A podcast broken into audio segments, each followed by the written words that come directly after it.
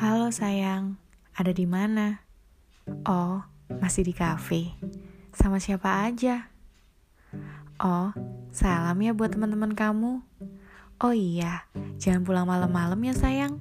Anterin aku beli makan. Sekalian jalan-jalan sama anak kita. Maaf ya, aku to the point. Karena kamu suka lupa waktu sih kalau kasihkan ngopi.